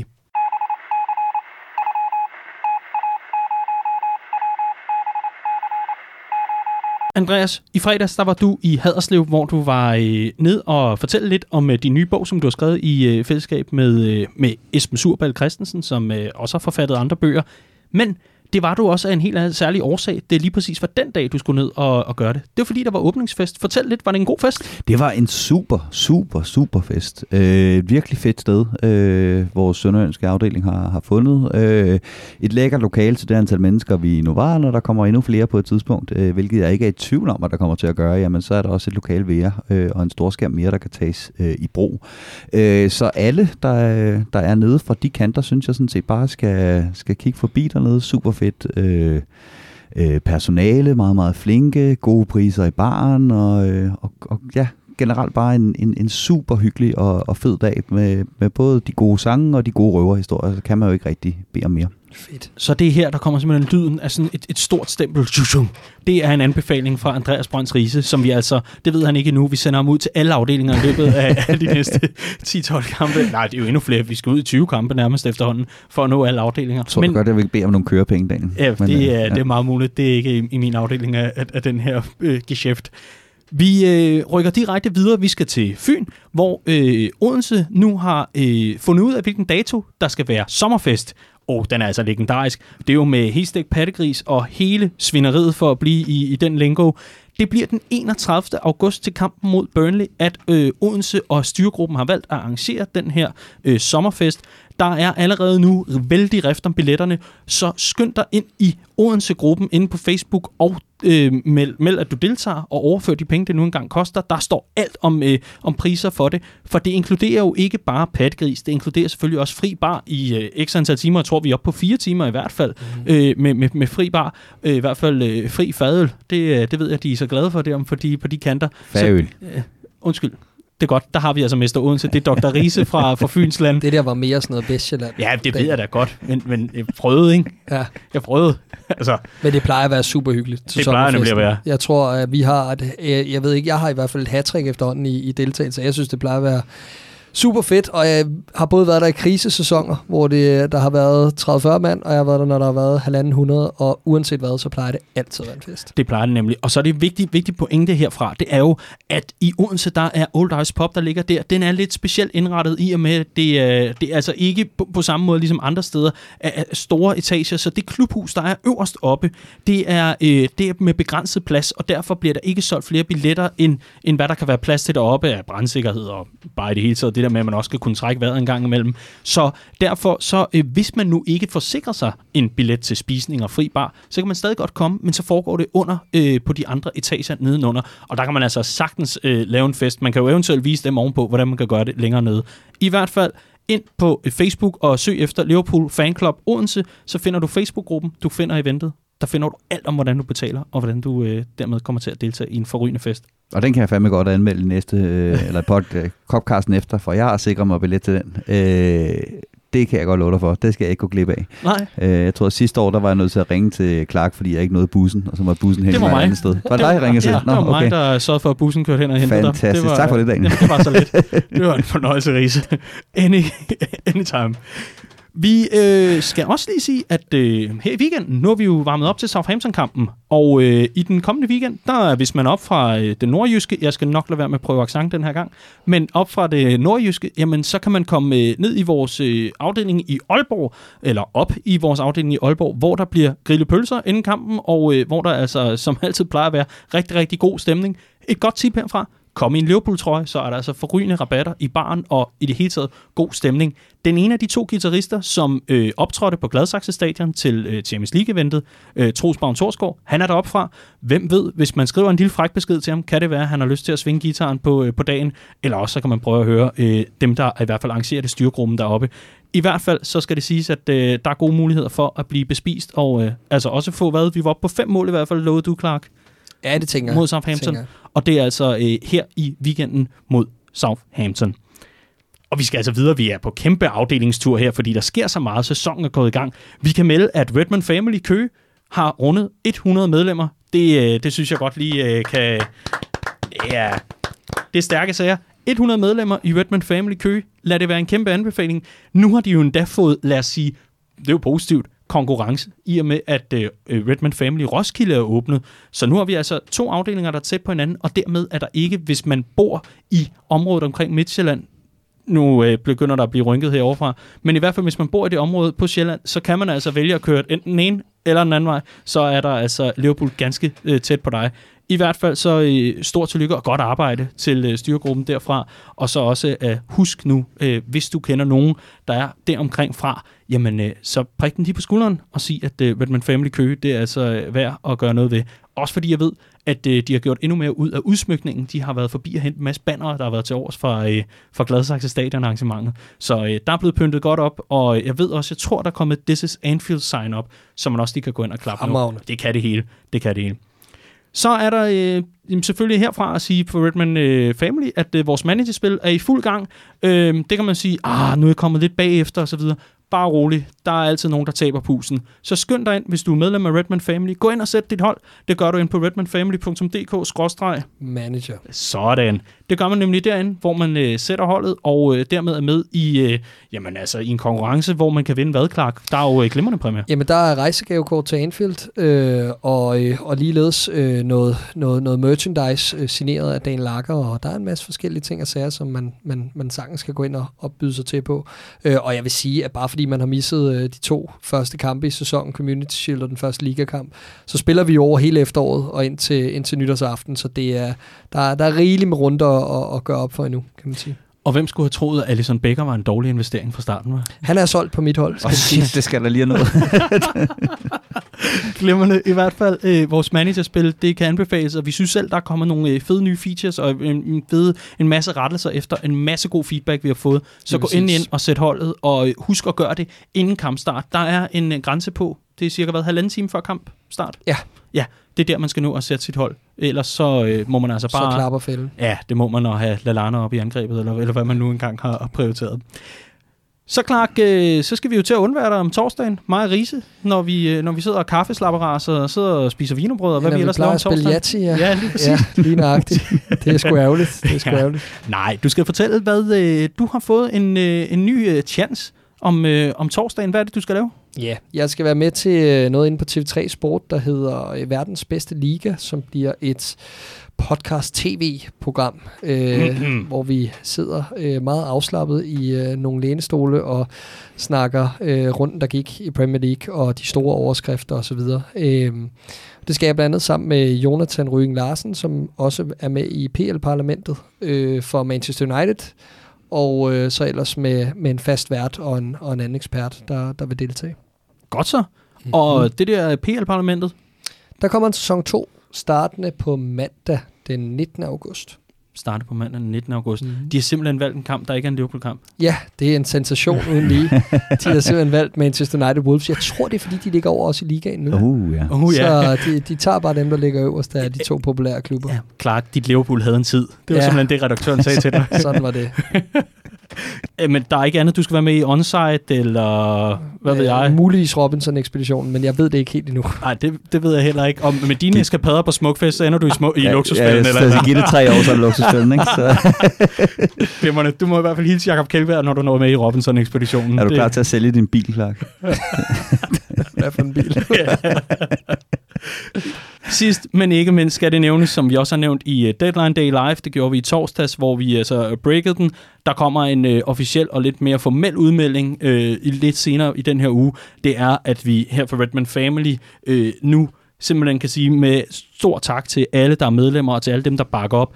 Hermed har haft muligheden for at løfte et nyt format op. Der kommer en ny podcast, der ikke er Copcast. Der kommer en ny podcast, der kommer til at hedde Liverpool Watch, og den bliver med undertegnet Daniel Siglau og vores øh, ekspert inden for Academy-området, Patrick Pilov. Han og jeg, vi kommer til at kigge nærmere på klubben. Det bliver øh, akademiet med øh, U18 og U23 øh, primært. Jeg tror ikke, vi kommer helt ned på U8, det er jeg ked af, men øh, hvis vi skal gøre vores bedste for at holde øje, hvis der sker noget længere nede, så kommer vi til at holde øje med øh, de udlånte spillere i et såkaldt øh, Lone Watch, så vi altså netop kan holde styr på, hvordan går det nede i anden Bundesliga, hvor vi efterhånden har et par stykker rendende, og hvordan kommer det til at gå øh, rundt omkring i Europa med vores øh, udlejede spillere. Og sidst men ikke mindst kigger vi om bag kulissen i Liverpool. Vi ser nærmere på økonomien, vi ser nærmere på sponsoraftaler. Vi har landet en, øh, hvad er det, Matchday Suit-aftale i dag. Det faktisk. er jakkesætsponsor Ja. ja. officielt, og det er en lokal. Ja, det kan også lidt. Det kan det altså. Det kan det altså. Lokal firma fra Liverpool. Der Men alle de her ting, som måske bliver set som lidt for niche til nødvendigvis at komme med alle mulige andre steder, det samler vi simpelthen op i en trakt, og så giver vi det til jer på månedlig basis i det, der hedder Liverpool Watch. Og jeg skulle hilse at sige for Patrick Pilov, og også for undertegnet, vi glæder os rigtig meget til at få det ud over stepperne. Hvis man øh, allerede nu tænker, det lyder spændende, jamen så kommer der til i artiklen, der øh, er med til den her Copcast, den kan man altid finde, altså artiklen med Copcasten i, inde på redmanfamily.dk og i vores apps, der kan man altså finde et link til en Facebook-gruppe. Der er en lyttergruppe, hvor man løbende kan dele ting om netop de her ting, sådan så der er et nørdet forum for dem, der synes, det er interessant. Og dermed Fedt. øh, så øh, kan man altså selv uden om de her mundtlige udsendelser stadigvæk sidde og nørde de her ting. Jeg ved, Pilov kommer til at være aktiv derinde. Det har han i hvert fald sagt. Og med de ord, så er vi altså færdige med de interne nyheder. Det bliver noget af en øh, spandfuld den her gang. Det behøver det nødvendigvis ikke at blive hver gang. Men i hvert fald, hvis du øh, sidder derude og tænker, jamen, altså det her Copcast, der øh, det, det kan altså noget, jamen øh, så kan du stadigvæk øh, godt anbefale det, uanset om dine venner eller bekendte er medlemmer eller ej. Det er en gratis ting. Find os inde i din øh, fat, faste podcast-app. Find os rundt omkring, og så øh, ellers så skriv altid til os, hvis du har spørgsmål eller lignende. De her, vi kom i mål. Det gjorde vi. Det gik rigtig, rigtig godt.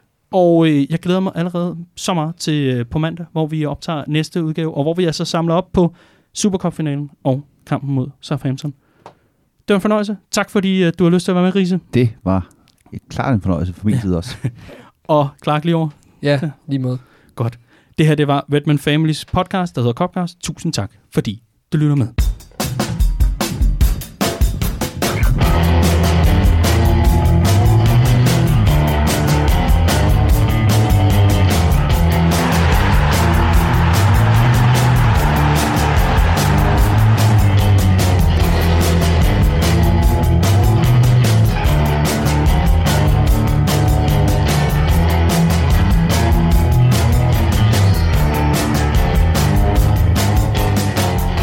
Boom.